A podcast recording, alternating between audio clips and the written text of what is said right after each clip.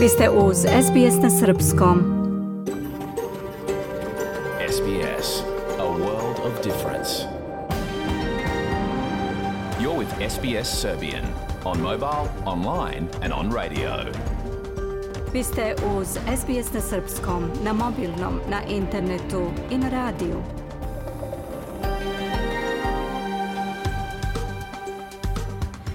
SBS odaje priznanje tradicionalnim vlasnicima zemlje sa koje danas emitujemo program na srpskom. Ovim izražavamo poštovanje prema narodu Vurenđer i Vojvurung, pripadnicima nacije Kulin i njihovim prošlim i sadašnjim starešinama. Također odajemo priznanje tradicionalnim vlasnicima zemlje iz svih aboriđinskih naroda i naroda sa ostrava Istore svog Moreuza, sa čije zemlje slušate program. Dobar dan, danas je utorak, 3. oktobar, 276. dan 2023. Do kraja godine, 89 dana. Ja sam Biljana Ristić. U današnjem programu, posle pregleda vesti, predsjednik Aleksandar Vučić kaže za CNN da je Srbija posljednja zemlja kojoj su bili potrebni incidenti na Kosovu i Metohiji. Detalje možete čuti odmah nakon vesti. U svim državama Australije nastavljaju se intenzivne kampanje za i protiv glasa autohtonih naroda pri parlamentu. Građani već glasaju u centrima za rano glasanje. Više i o tome. Posle četiri i po godine istrage, Kraljevska komisija za nasilje, zlostavljanje, zanemarivanje i eksploataciju osoba sa invaliditetom podnela izveštaj. Možete čuti koje su preporuke donete. Demencija pogađa na hiljade mladih ljudi u Australiji što predstavlja veliki problem za roditelje. O tome u okviru zdravstvenih tema kao i opširnije o dobitnicima Nobelove nagrade za medicinu ove godine. Ostanite sa nama do 16 časova, sledi pregled vesti.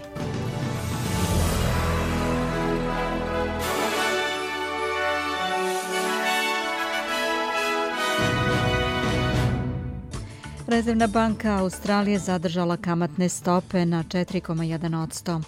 Od danas u svim državama Australije otvoreni centri za rano glasanje na referendumu. Vučić za CNN izveštaji koji su stizali u Belu kuću o dešavanjima u Banjskoj nisu bili u potpunosti tačni.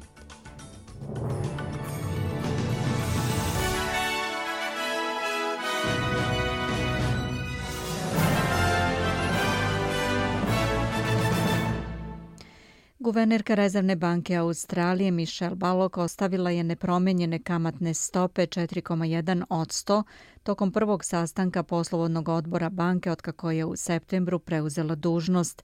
Građani koji imaju kredite za kuću bit će pošteđeni viših kamatnih stopa nakon 12 povećanja u toku godinu dana dok je na čelu banke bio dr. Philip Lowe a očekuje se da će odbor sačekati do objavljivanja kvartalnih podataka o inflaciji 25. oktobra pre nego što promeni vrednost kamatne stope. Vatrogasci nastavljaju da se bore sa požarima koji su van kontrole u različitim delovima zemlje, a upozorenja su izdata na više lokacija širom Viktorije, Tasmanije i Novog Južnog Velsa. Ljudima u regionu Gippsland u Viktoriji je rečeno da napuste imanja ako je to bezbedno, nakon što se šumski požar više nego utrostručio površinski. U Novom Južnom Velsu, region Greater Sydney, Hunter i Northwestern također su pod upozorenjem od ekstremnih požara.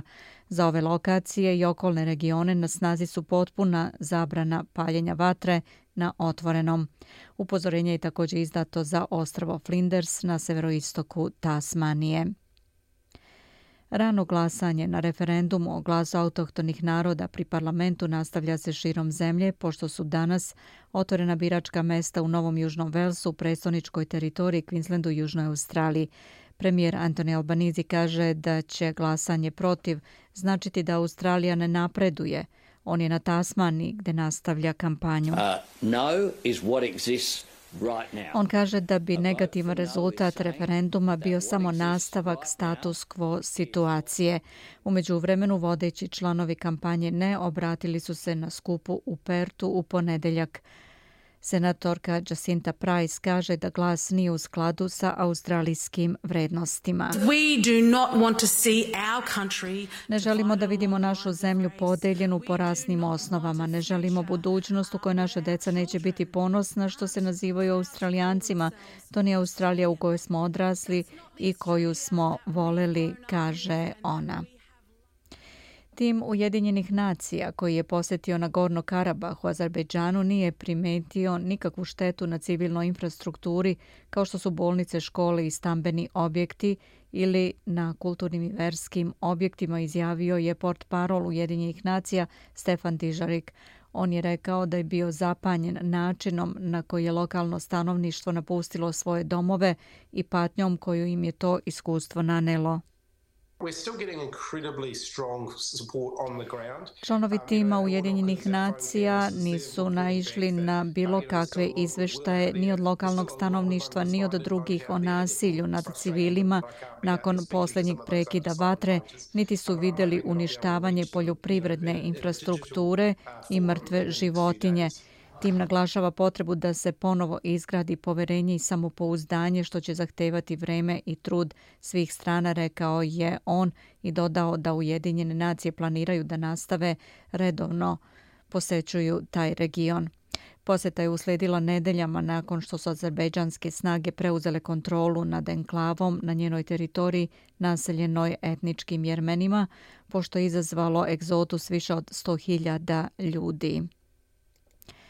Predsjednik Srbije Aleksandar Vučić kaže za CNN da je Srbija posljednja zemlja kojoj su bili potrebni incidenti na Kosovu i Metohiji. Želimo da vidimo veće prisustvo KFOR-a na severu kao jedan od načina da se obezbedi sigurnost Srbima koji tamo žive, rekao je on.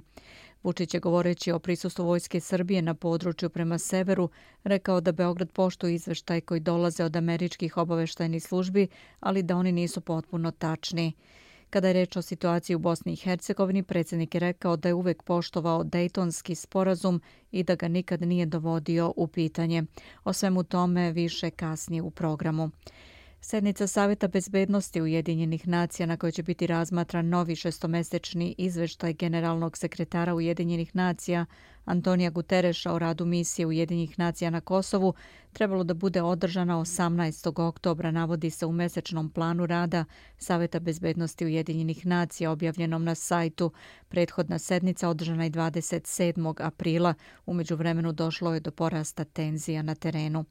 Pripadnici specijalne jedinice Kosovske policije povukli su se umeđu vremenu iz sela Banjska i njih će sada zameniti pripadnici interventne jedinice, saopšte zameni komandira Kosovske policije za region Sever Veton El Shani.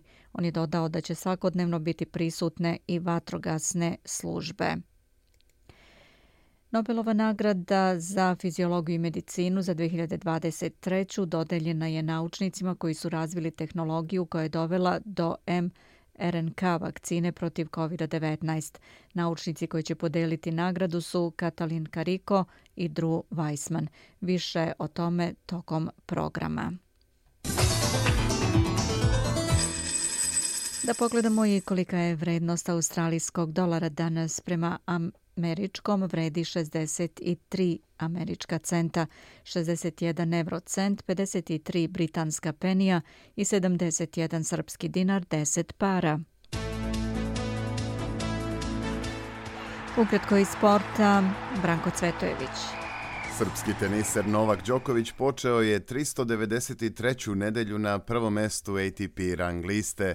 Novak ove sedmice ima 3200 poena više od drugoplasiranog Carlos Alcarasa, dok Medvedev, Rune, Cicipas i ostali teniseri iz najboljih deset zaostaju daleko više za srpskim masom. Đoković će do kraja sezone igrati još na Mastersima u Parizu i Torinu, kao i u završnici Davis Kupa. S druge strane, Alcaraz će igrati dva turnira više i pokušat će da na taj način sustigne lidera po broju bodova. A na čelu ženske WTA liste i ove nedelje je beloruskinja Arina Sabalenka. Ona ima nešto više od hiljadu pojena prednosti u odnosu na poljsku teniserku Igu Švjontek na drugom mestu. Najbolje rangirana srpska igračica je Olga Danilović na 108. poziciji. I još dve informacije iz sveta tenisa. Mladi srpski teniser Hamad Međedović poražen je u polufinalu turnira u Astani od Sebastijana Kordesa 2-1 u setovima. Sva tri seta odlučena su u taj brejku s tim da je Međedović dobio prvi, a Korda druga dva. Amerikanac će se u finalu sastati sa francuskim teniserom Adrianom Manarinom. Za to vreme u Pekingu odigrani su mečevi četvrt finala turnira iz serije 500. Španac Alcaraz je lako savladao Holgera Runea 6-4-6-2 i u polufinalu će se sastati sa Janikom Sinerom iz Italije. Drugi par polufinala čine Rus Danil Medvedev i nemački teniser Aleksandar Zverev. I na kraju ovog bloka da pogledamo i vremensku prognozu. U Pertu tokom popodneva razvedravanje 18 stepeni. Lepo vreme u Adelaidu 17. Melbourne intenzivna kiša, trenutno 17, tokom popodneva 14. U Hobartu je oblačno sa 17, Kambera trenutno vetrovito popodne, oblačno ali toplo 26. Sidney oblačno ali toplo tokom popodneva 32. U Brisbaneu sunčano 25 i u Darwinu 32. U Beogradu također tokom dana sunčano vreme do 25 stepeni. Čuli ste pregled vesti na srpskom. Za sve najnovije posjetite sbs.com.au kosacrta news.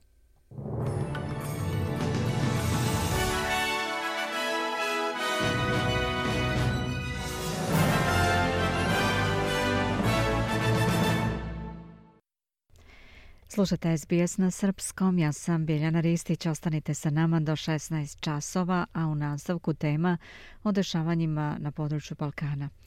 Predsjednik Srbije Aleksandar Vučić rekao je sinoć gostujući na CNN-u u emisiji koju vodi Kristijan Ampur, da izveštaji koji su stizali u Belu kuću o dešavanjima u Banjskoj nisu bili u potpunosti tačni. But the real issue is that these reports were not fully accurate. Let me say this. We signed in 2001 an arrangement with NATO, which means that Prema sporazumu imamo pravo da koristimo teritoriju u zoni bezbednosti. Pre nekoliko dana imali smo manje od 8400, danas imamo 4400 ljudi u toj zoni, što je uobičajeno. Uvek smo slušali naše partnere o deeskalaciji situacije. Ne trebaju nam ratovi, mi želimo veće prisustvo KFOR-a, posebno na severu Kosova, rekao je Vučić. On je naveo da nije bilo razloga za brigu i da Srbiji nije potreban sukob sa NATO-om, već obrnuto. We want to see, and I'm reiterating this, bigger presence of KFOR. Okay.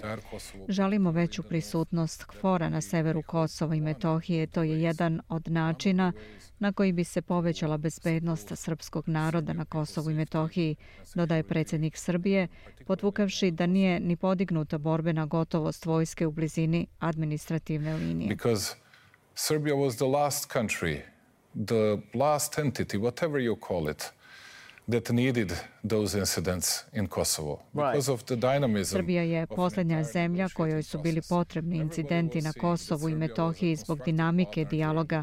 Svi su videli da je Srbija bila konstruktivan partner, a druga strana nije uradila ništa, već postepeno etničko čišćenje Srba sa Kosova i Metohije, kazao je Vučić. On je ukazao na napade na srpske civile i na smanjenje broja srpskog stanovništva na Kosovu i Metohiji od dolaska Aljbina Kurtija na vlast u Prištini.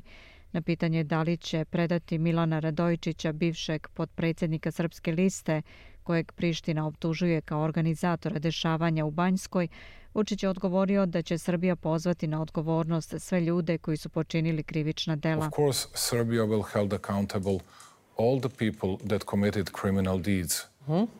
and that we might find on our territory. And he is available and he is on our territory and prosecutors On je dostupan na našoj je teritoriji i učinit ćemo šta treba, rekao je on, ali istakao da su koreni problema to što su Srbi na udaru i moraju da se brane. Ja ne branim, već osuđujem ubistvo policajca, ali Srbi su hapšeni bez optužnica, izbacivani iz kuća. Zajednica srpskih opština nije formirana još od 2013. Albanski režim to ne želi da sprovede u delo, rekao je on. Kako je podsjetio, zajednica srpskih opština nije formirana ni posle 11 godina. Ljudi žele da se odbrane. Ne možete imati različite pristupe 1989. 1999. i 2023. Dijalog je jedino rešenje, kazao je Vučić.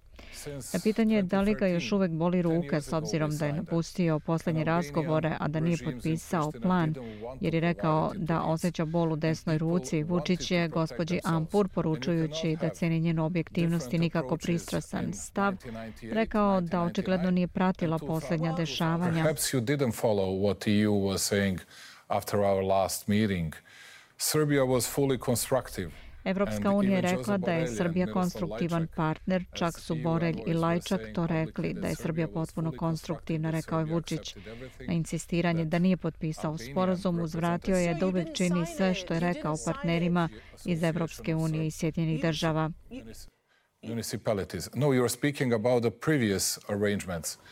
I was doing whatever I have said before that to our friends from the United States, from the European Union, because I have my constitution, Serbian constitution, which I have to follow, which I have to respect. Postoji i Ustav Srbije, moram da ga poštujem, nisam ništa krio u njihovom prisustvu. Sve sam im govorio u lice i uvek sam govorio istinu.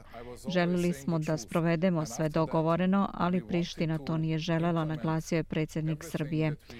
Vučić je istakao i da su postojali vrlo jasni signali Evropske unije da je sve do greške sa prištinske strane, primećujući da onda odjednom imamo incidente da se Srbija okrivi za sve živo. Predsjednik je rekao da je Srbija bila i uvek će biti spremna za pregovore, da je bila konstruktivna u dijalogu i da će tako ostati. We wanted to implement everything that we agreed upon but Pristina didn't want to do it and you had a very clear signal from European Union Morate shvatiti, a to je potvrdila i Evropska unija, da Priština nije spremna da osnuje zajednicu srpskih opština, što je najveća prepreka. Žele da nastave sa postepenim etničkim čišćenjem Srba, pre svega na severu Kosova, podvukao je on. Vučić je kazao da je Srbija uvek na raspolaganju prijateljima iz međunarodne zajednice. Spremni smo da razgovaramo o svim pitanjima. Rekao sam informirajte zajednicu srpskih opština, a mi ćemo ispuniti sve što smo obećali. Mir je u najboljem interesu Srbije i celog regiona. Možemo da se hvalimo da imamo 63% ukupnih stranih direktnih investicija, to nam je potrebno. Imamo puno da izgubimo, zato smo posvećeni pregovorima, objasnio on.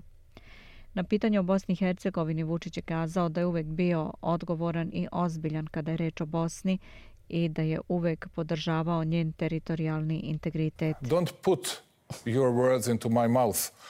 I'm just saying that I do support Dayton Peace Accord and territorial integrity of Bosnia and Herzegovina. Na konstataciju gospođa Ampur da je lepo čuti da se odriče Milorada Dodika, Vučić je poručio da ne stavlja reči u njegova usta i dodao da podržava Daytonski sporazum i teritorijalni integritet Bosne i Hercegovine i da nikada nije to dovodio u pitanje. Na pitanje kakve koristi ima kada slavni sportista Novak Đoković napiše na kameri Kosovo je srce Srbije, zaustavite nasilje i da li podržava takvu retoriku, Vučić je odgovorio da veruje da je Đoković to govorio iz srca i da 99% ljudi u Srbiji tako misli. I believe that Novak Djokovic was saying something from the bottom of his heart. 99% of people Serbian believe in that. But I can tell you one thing, that we politicians need to be pragmatic, rational, which means Mi političari moramo biti pragmatični i racionalni. Moramo da pronađemo rešenja kroz pregovore konstruktivnim pristupom da vidimo kako ćemo se baviti svim problemima, jer moramo da obezbedimo da Albanci i Srbi više ne pate, kako da prebrodimo teškoće i napravimo bolju budućnost sa otvorenim granicama ili administrativnim linijama, kako bi se narodi približili, zaključio je Vučić u razgovoru za CNN. Vlasti u Srbiji saopštile su da je zvanični Beograd povukao deo trupa stacioniranih u području prema severu Kosova, pošto je prethodno povećalo broj raspoređenih tamo posle pucnjave na severu Kosova, u kojoj su poginule četiri osobe, izjavio je u ponedeljak načelnik general štaba, general Milan Mojsilović. Srbija je rasporedila 8350 vojnika u blizini sa Kosovom i smanjila ih na 4500 u ovom trenutku, rekao je Mojsilović.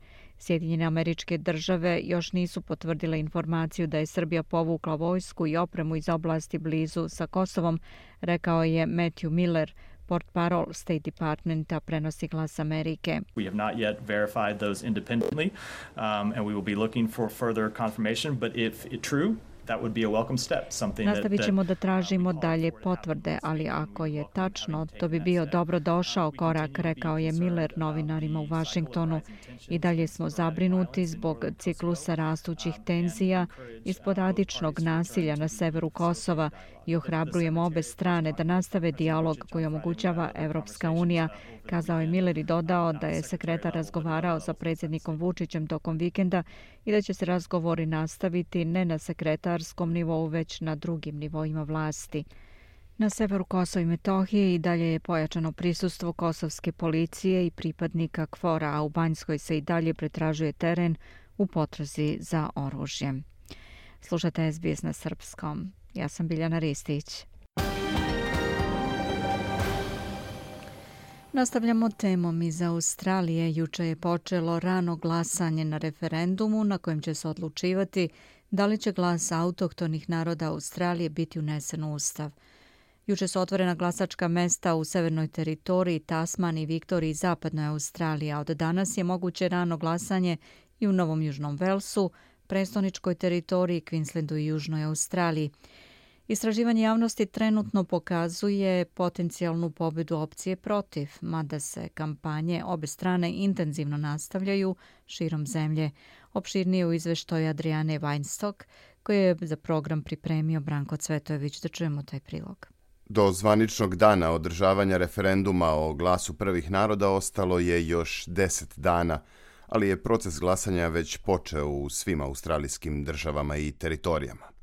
Za sve koji 14. oktobra neće biti u mogućnosti da glasaju, od ponedeljka su otvorena glasačka mesta u Viktoriji, Tasmaniji, Severnoj teritoriji i Zapadnoj Australiji, dok je zbog državnog praznika prevremeno glasanje moguće od danas i u Novom Južnom Velsu, ACT-u, Queenslandu i Južnoj Australiji. Rezultat glasanja na referendumu odredit će da li će glas starosedelačkog stanovništva kao savetodavno telo pri parlamentu i izvršnoj vlasti biti upisano u Ustav Australije. Savezni premijer Anthony Albanese od prvog dana vodi snažnu kampanju za glasanje za i vidi referendum kao šansu da se zemlja ujedini. I would encourage people to have a look at what the question is there Premijer poziva glasače da pogledaju pitanje o kojem glasaju i kaže da uoči referenduma postoji velika kampanja unošenja straha od stvari koje nemaju veze s ovim plebiscitom. On dodaje da ni jedna zemlja nikada nije postala bolja tako što je podlegla kampanji zastrašivanja. Da bismo ojačali celu zemlju potrebno nam je više optimizma, potrebna nam je nada i vizija za budućnost. To je ono što predstavlja ovaj referendum, prilika da uhvatimo korak sa budućnošću i da priznamo da imamo veliku privilegiju da delimo ovaj kontinent sa najstarijom kontinuiranom kulturom na zemlji, kaže Albaneze. Glasačka mesta su otvorena za rano glasanje na referendumu kako bi građani Australije imali mogućnost da planiraju unapred i da glasaju na način koji im najviše odgovara, kaže Sally Angus iz Australijske izborne komisije. Važno je da birači planiraju glasanje i ukoliko ne mogu da izađu na referendum na dan održavanja, onda mogu da dođu ranije u jedan od naših centara za rano glasanje ili da se prijave da glasaju putem interneta na sajtu aec.gov.au. Državljani Australije prvi put se izjašnjavaju o mogućoj ustavnoj promeni posle skoro četvrt veka. Poslednji referendum održan je još 1999. godine, kada nije izglasana ideja o prelasku na republiku. Izborna komisija je još 25. septembra počela da otvara glasačka mesta u udaljenim izbornim jedinicama, a sada je rano glasanje moguće i širom zemlje – Broj upisanih glasača je za 400.000 veći u odnosu na prošlogodišnje savezne izbore i Australija danas ima najveći broj ljudi s pravom glasa u biračkom spisku. Iz izborne komisije kažu da je 97% građana s pravom glasa registrovano za referendum, a upis starosedelačkog stanovništva također je na rekordnih 94,1%. Kada je reč o mladim biračima od 18 do 24 godine, upisano je 91,4%. Pomoćnik ministra za autohtono stanovništvo Malandiri Mekarti kaže da će biti potreban oprez kako bi se osiguralo da svi registrovani Australijanci imaju pravo glasa. Boris different this time is that we have a much larger Ovaj put je drugačije to što imamo mnogo veći broj glasača na listi i postignuta je veća stopa upisa pripadnika prvih nacija, ali i ostalih australijanaca širom zemlje. Moramo biti sigurni da su svi obuhvaćeni i imamo na umu da je bilo propusta na različitim mestima i da će neke udaljene zajednice morati ponovo da budu posećene kako bismo bili sigurni da su svi glasali, kaže McCarthy. Ova senatorka iz severne teritorije veruje da će se u svakoj jurisdikciji voditi neizvesna trka za neophodan broj glasova kako bi referendum bio uspešan. Međutim, na manje od dve nedelje do referenduma, kampanja glasanja za i dalje zaostaje u anketama. Istraživački institut Roy Morgan predviđa da će opcija protiv pobediti na referendumu sa 44 odsto prema 39. Za sada 17 odsto ispitanika je i dalje neopredeljeno, ali sa ovog instituta kažu da dosadašnja iskustva sa referenduma pokazuju da je veća verovatnoća da će neopredeljeni glasati protiv nego za. Premijer Albaneze kaže da glasanje protiv glasa prvih naroda predstavlja korak unazad za Australijance. Glasanje protiv nas neće odvesti nikuda. Protiv je ono što sada imamo, a to je osam godina razlike u očekivanom životnom veku između autohtonih naroda i ostalih, kao i da muškarac starosedelačkog porekla ima veće šanse da ode u zatvor nego na univerzitet. Moramo da uradimo bolje od toga i zato je važno da glasamo za, kaže premijer. S druge strane, lider opozicije Peter Dutton, koji se zalaže za drugu opciju, prošle sedmice je boravio na turneji po regionalnom Novom Južnom Velsu. Zagovornici kampanje protiv tvrde da uključivanje glasa kao savetodavnog tela u Ustav znači trajnu promenu koja će podeliti naciju po rasama – a nezavisna senatorka Lidija Torp nedavno je izjavila da savezna vlada koristi glas kao put u lažni napredak, jer još uvek ima mnogo pitanja bez odgovora, kao što je recimo pitanje ko će zapravo biti deo tog savetodavnog tela. Portparol opozicije za imigraciju Den Tian rekao je da je premijerovo postupanje po ovom pitanju dovelo do dvopartijske podele u stanovništvu i da je Albanezova vlada trebalo da izabere drugi put. Tijan je za Kanal 9 rekao i da Albaneze nije uspeo da tačno objasni kako bi ovo savetodavno telo funkcionisalo u praksi. This is the most significant change to our constitution Tijan ocenjuje referendumsko pitanje kao najznačajniju promenu Ustava ikada i naglašava da je Albaneze imao više od godinu i po dana da građanima pruži detalje o referendumskom pitanju, ali da to nije uradio. S druge strane, pomoćnica ministra Malandri McCarthy kaže da će, bez obzira na ishod referenduma, pripadnici prvih nacija nastaviti da se bore za svoja prava. We know that, uh, life has always been about Znamo da je u životu uvek važna izdržljivost i ne sumnjam da ćemo, bez obzira na rezultat koji bude 14. oktobra, nastaviti da idemo napred. Kako bi referendum bio uspešan, potrebna je većina glasova na nacionalnom nivou, ali i većinska podrška u najmanje četiri od šest australijskih država. Budite informisani o referendumu za glas prvih naroda pri parlamentu, prateći SBS-ove platforme, uključujući tu i perspektive prvih nacija koje možete čuti na NITV. Posjetite i portal SBS Voice Referendum da biste imali pristup člancima, videozapisima i podcastima na preko 60 jezika. Također na SBS On Demand možete besplatno pratiti najnovije vesti i analize putem našeg specijalnog informativnog centra o referendumu. Ja sam Branko Cvetojević. Slušate program na srpskom 15 časova 31 minut je. Ostanite sa nama. Posle četiri i po godine istrage Kraljevska komisija za nasilje, zlostavljanje, zanemarivanje i eksploataciju osoba sa invaliditetom podnela je konačan izveštaj.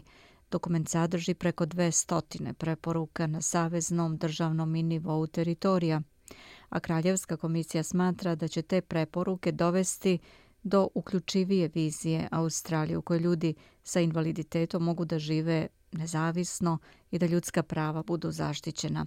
Opširnije o svemu tome u prilogu koji je pripremio Branko Cvetojević. Kraljevska komisija za osobe sa invaliditetom podnela je posle četiri i po godine rada svoj konačni izveštaj. Na osnovu svedočenja skoro 10.000 australijanaca kroz usmene izjave i pismene podneske, sačinjene su 222 preporuke o načinima sprečavanja nasilja, zlostavljanja i eksploatacije osoba sa invaliditetom. Prvi od 13 tomova ovog izveštaja na više od 5000 stranica objavljen je u petak 29. septembra. Za mnoge ljude koji se bore za prava invalida i koji su davali dokaze pred komisijom, bio je to dan pomešanih emocija. Jedna od tih osoba je Caroline Fromader, izvršna direktorka organizacije Žene s invaliditetom Australija. You know, I need time to digest everything. Um, Prvo moram sve ovo da procesuiram. Nervozna sam, ali i puna nade. Sada kada je objavljen konačni izveštaj, naš posao praktično tek počinje, jer moramo da obezbedimo da preporuke komisije počnu da se primenjuju. Ne želimo da ovo bude izveštaj koji nas na kraju neće odvesti nigde. U izveštaju je potvrđen veliki broj slučajeva nasilja i zlostavljanja, kao i zanemarivanja i eksploatacije koju doživljavaju osobe s invaliditetom u Australiji. Takođe, poziva se na značajne promene u sistemu kako bi se ove i slične pojave sprečavale. Među ključnim reformama koje predlaže komisija su uspostavljanje novog zakona o pravima osoba s invaliditetom, zatim zaštita od blaćenja, kao i poboljšan i kulturološki bezbedniji pristup podršci osobama s invaliditetom koji su pripadnici prvih naroda i različitih multikulturnih zajednica. Izvršni direktor organizacije Mreža pripadnika prvih nacija s invaliditetom Damien Griffiths također je svedočio pred Kraljevskom komisijom. On kaže da je rad komisije sa autohtonim narodima bio izuzetan. We often say Griffiths je rekao da je teško zamisliti bilo koga u nepovoljnijem položaju od pripadnika prvih nacija koji žive s invaliditetom. Dugo smo razmišljali o tome kakvi mogu biti odgovori državne politike i službi na ovaj problem i imali smo veoma snažan angažman s komisijom i sa određenim brojem komesara. Naročito nas je ohrabrila činjenica da je komesarka Andrea Mason bila komesar za prve nacije. Od ukupno 222 preporuke koje je dalo sedam komesara, 99 ih je podneto samo za Commonwealth, 67 njih je zajedničko za sve države, teritorije i Commonwealth, dok se 55 preporuka odnosi na pojedinačne države i teritorije. Savezna ministarka za socijalne usluge Amanda Rishworth reagovala je na ovaj izveštaj priznajući propuste iz prošlosti i obećavajući da će se na nivou Commonwealtha uspostaviti nova radna grupa Kraljevske komisije za invalide. The message of this report is clear. We do need to do better. Poruka ovog izveštaja je jasna, moramo da radimo bolje. Tokom protekle četiri godine iskustva koja govore o nasilju, zlostavljanju, zanemarivanju i eksploataciji ljudi s invaliditetom šokirali su Australijance, Oko 55 od 100 osoba sa invaliditetom starosti između 18 i 64 godine bili su fizički ili seksualno zlostavljani od svoje 15.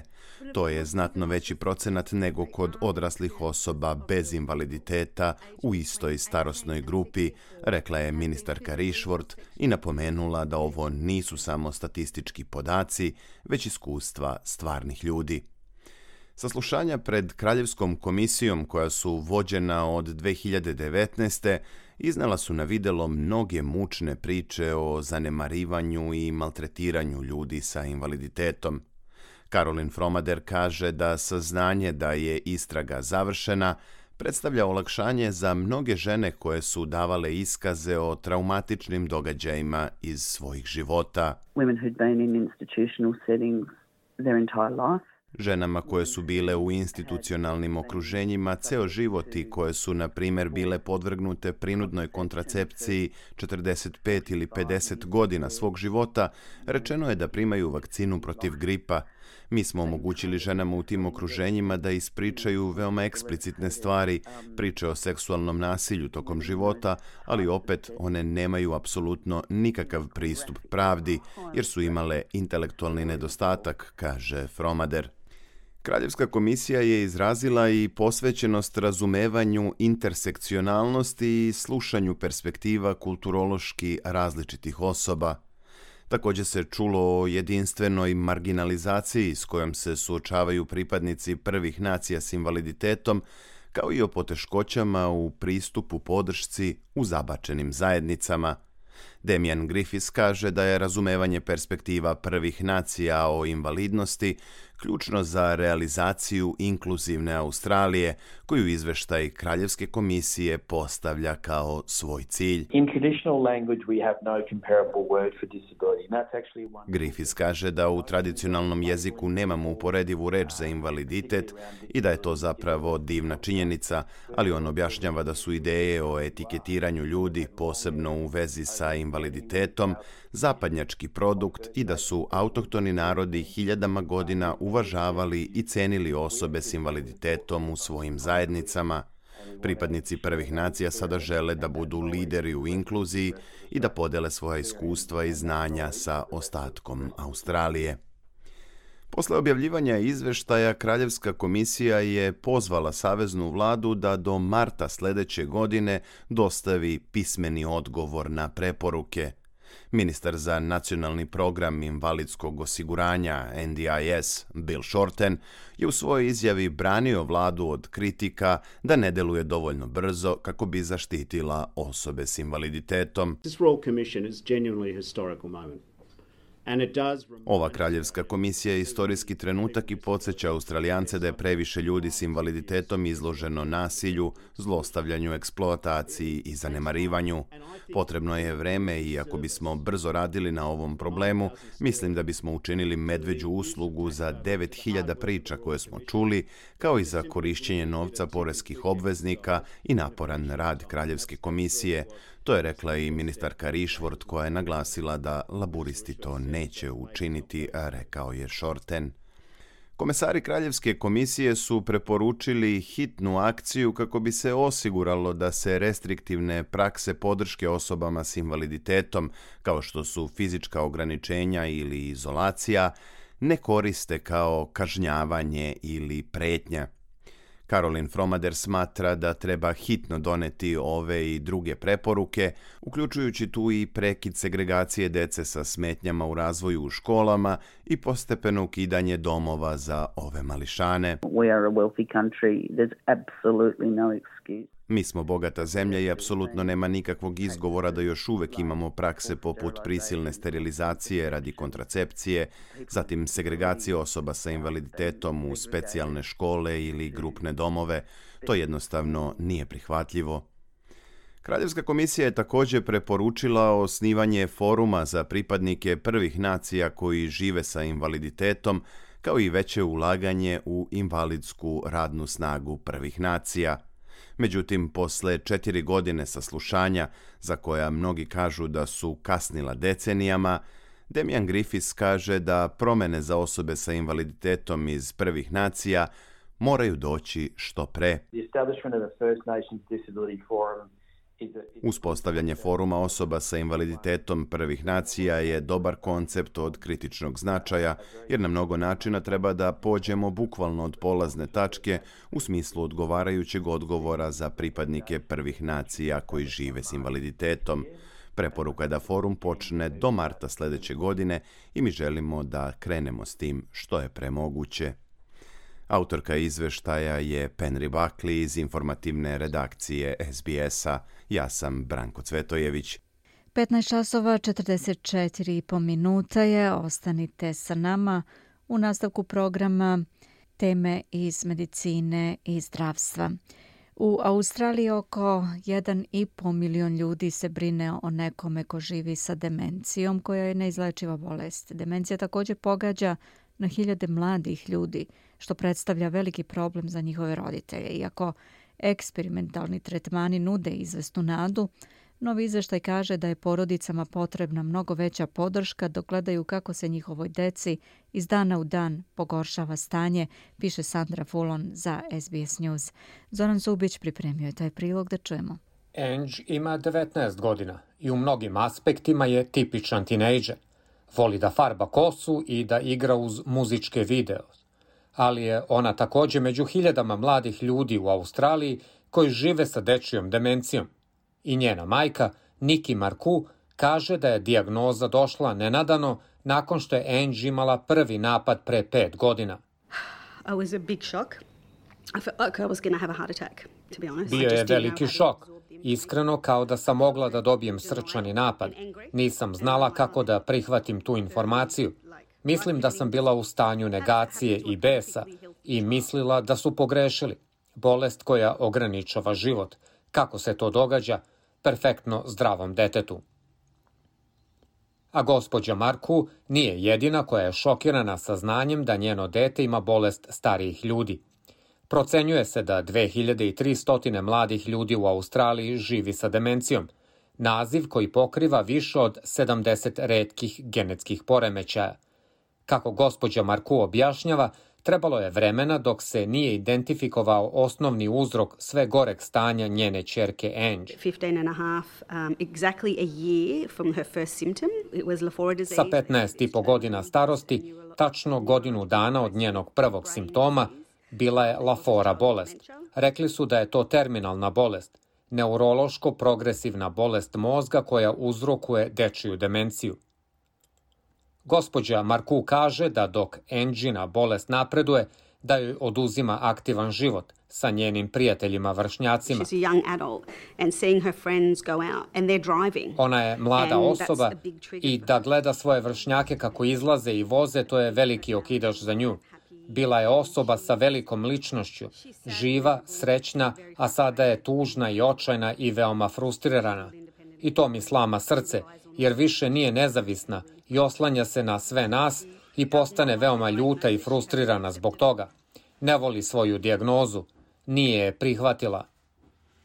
Ove nedelje gospođa Marku i Enđ ostaju na severnim plažama Sidneja, u novoj bolnici Menli za adolescente i mlade odrasle osobe. Ovo je prva ustanova u Australiji koja je privržena uslugama za mlade ljude sa bolestima koje ograničavaju život i nudi roditeljima kao što je gospođa Marku odmor od pružanja nege tokom 24 sata. Pacijent sa demencijom ne može biti ostavljen nasamo. Oni nisu bezbedni, tako da je svo vreme potrebna nega jedan na jedan. Toliko sam iscrpljena da ne mogu više. I zato sam došla ovde da bih se odmorila i oni su preduzeli svu tu odgovornost, tako da i ja mogu da spavam. Pet godina sam spavala u njenoj sobi sa njom sa visokim stepenom opreza. Ovo je teško breme za mnoge porodice po nalazima novog izveštaja. Generalni direktor organizacije Inicijativa za dečiju demenciju Megan Mack objašnjava. Izveštaj je pronašao da je breme stalno za porodice kojima nije dostupna adekvatna podrška i nega i porodice doživljavaju visoki nivo slamanja porodica kao rezultat toga.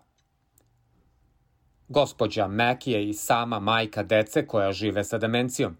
Prošle tri godine aktivno je tražila više globalnog istraživanja i bolju podršku za porodice.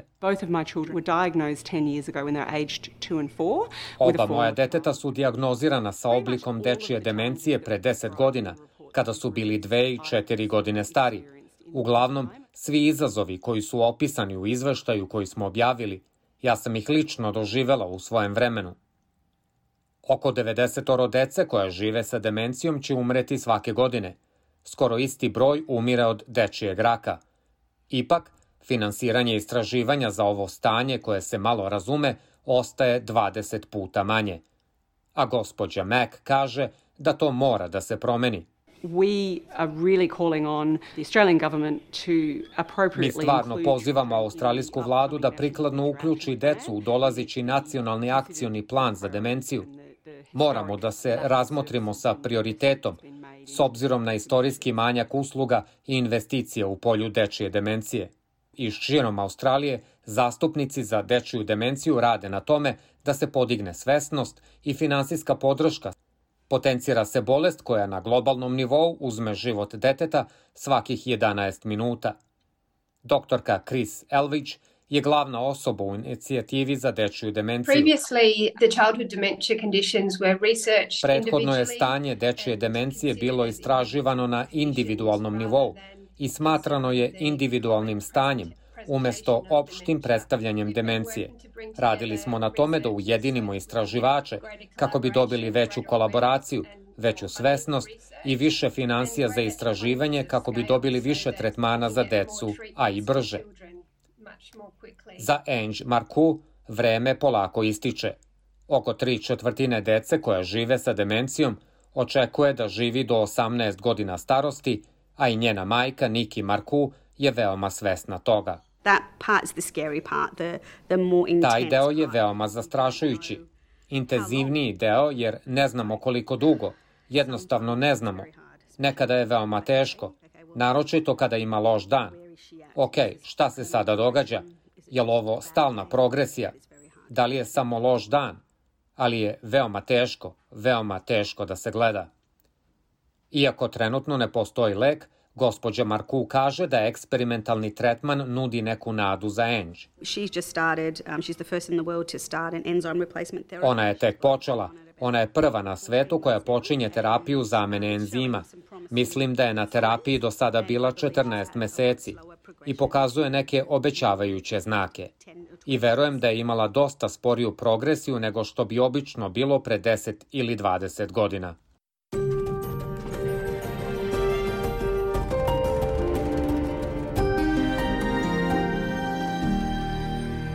Slušate SBS na srpskom. Ja sam Biljana Restić. Nastavljamo temom iz domena medicine. Mađarska naučnica Katalin Kariko i njen američki kolega Drew Weissman dobitnici su Nobelove nagrade za medicinu. Laureati su doprineli do sada nezapamćeno brzom razvoju vakcine tokom jedne od najvećih pretnji za čovečanstvo u moderno doba, saopštuje komitet za dodelu nagrade. Priznanje jedno od najprestižnijih u svetu nauke dodeljuje Nobelov komitet Karolinska instituta Univerziteta za medicinu, a uz njega ide i novčana nagrada od oko milion dolara koje će dobitnici podeliti. Kriko, bivša potpredsjednica nemačke firme BioNTech i šefica odeljenja za zamenu RNA proteina u toj kompaniji, profesorka je univerziteta u Segedinu u Mađarskoj i gostujuća predavačica Univerziteta u Pensilvaniji. U intervju posle proglašenja dobitnika nagrade Kariko je rekla da je njena majka svake godine govorila da će dobiti Nobela, što ju je podsjetilo na trenutke kada nije mogla da dobije ni pozajmicu za finansiranje istraživanja. Kada su me pozvali, bilo je 3.40 ujutro ili tako nešto, vrlo rano. Moj suprug je digao slušalicu i razgovarao sa nekim, zatim rekao, ovo je za tebe. Ono što mi je rečeno je da smo ja i Drew Weissman dobili Nobelovu nagradu. Nisam znala da li je to stvarnost. Sumnjali smo da je možda neka šala, rekla je ona. Weissman, drugi dobitnik nagrade, profesor je u Pensilvaniji i radi na razvoju vakcina.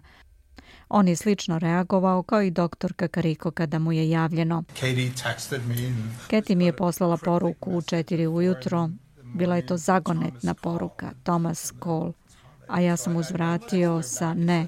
Ko je Thomas? A ona je uzvratila Nobelova nagrada.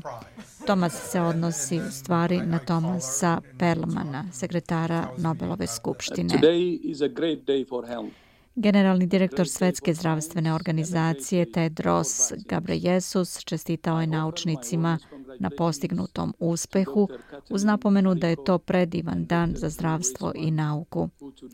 Kariko i Weissman su 2005. zajedno razvili modifikaciju nukleosida koji sprečavaju organizam da napada mRNA napravljene u laboratoriji što je ranije predstavljalo veliku prepreku u terapeutskoj upotrebi ove tehnologije. Kompanija BioNTech je saopštila u junu da je oko 1,5 milijardi ljudi širom sveta primilo mRNA er vakcinu koju je ova firma razvila zajedno sa Pfizerom. To je bila najčešće korišćena COVID vakcina na zapadu. Dr. Weissman kaže da se to nije desilo preko noći. Everybody thinks RNA was invented in 10 months. Pa, Svi misle da je RNA razvijen za 10 meseci, ali prva klinička ispitivanja datiraju još od 1995-96. To su duga klinička ispitivanja, a ispitivanja sa modifikovanom RNA su počela 2018. i od tada traju. Mi smo imali tri klinička ispitivanja koja su se odvijala pre nego što je COVID počeo, tako da ovo nije neka nova stvar. Weissman je doktorirao na univerzitetu u Bostonu 1987. i pridružio se Univerzitetu Pensilvanije 1997. Njih dvoje su rekli da su se upoznali dok su čekali u redu za aparat za fotokopiranje. 1997. sreli smo se kod mašine za kopiranje i možda treba da bude više mašina za kopiranje da bi ljudi mogli da stoje pored njih i pričaju ali znate, doktor Weissman već je radio na RNA. Ja sam tada već osam godina radila na izradi projekta Messenger RNA, mRNA i hvalila se da mogu da radim na proučavanju RNA. Dru je bio zainteresovan za vakcine i tako je počela naša saradnja. We worked side by side all of that time. Radili smo rame uz rame sve to vreme jer nismo mogli da dobijemo sredstva, nismo mogli da dobijemo publikacije, nismo mogli da nateramo ljude da primete RNA kao nešto zanimljivo. Također smo imali neuspešna klinička ispitivanja i skoro svi su odustali od toga, ali Katie je zagrizla projekat i proveli smo ostatak naših 20 i više godina radeći zajedno. Informacijska RNA, odnosno RNK, kako mi kažemo, ribonuklinska kiselina, odnosno mRNA, otkrivena je 1961. To je prirodni molekul koji služi kao recept za proizvodnju proteina u telu. Upotreba mRNA koje je napravio čovek za instrukcije ljudskim ćelijama da prave terapeutske proteine, što se dugo smatralo nemogućim, uvedena je tokom pandemije. Koristila ga je i kompanija Moderna. Tehnologija se razlikuje od ustaljenih biotehnoloških lekova, generisanih u složenim reaktorima od genetski modifikovanih živih ćelija, zatim izolovanih i prečišćenih. Nagrada za medicinu označava početak ovogodišnje dodele Nobelovih priznanja, a preostalih pet će biti saopšteno u nekoliko narednih dana. Vi slušate SBS na srpskom, ja sam Biljana Ristić, 15 časova, 58 minuta je.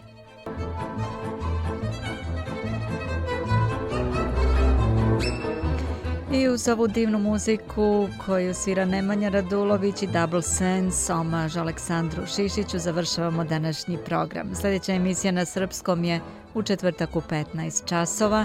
Program možete slušati na internetu sbs.com.au kosacrta srbije na telefonu.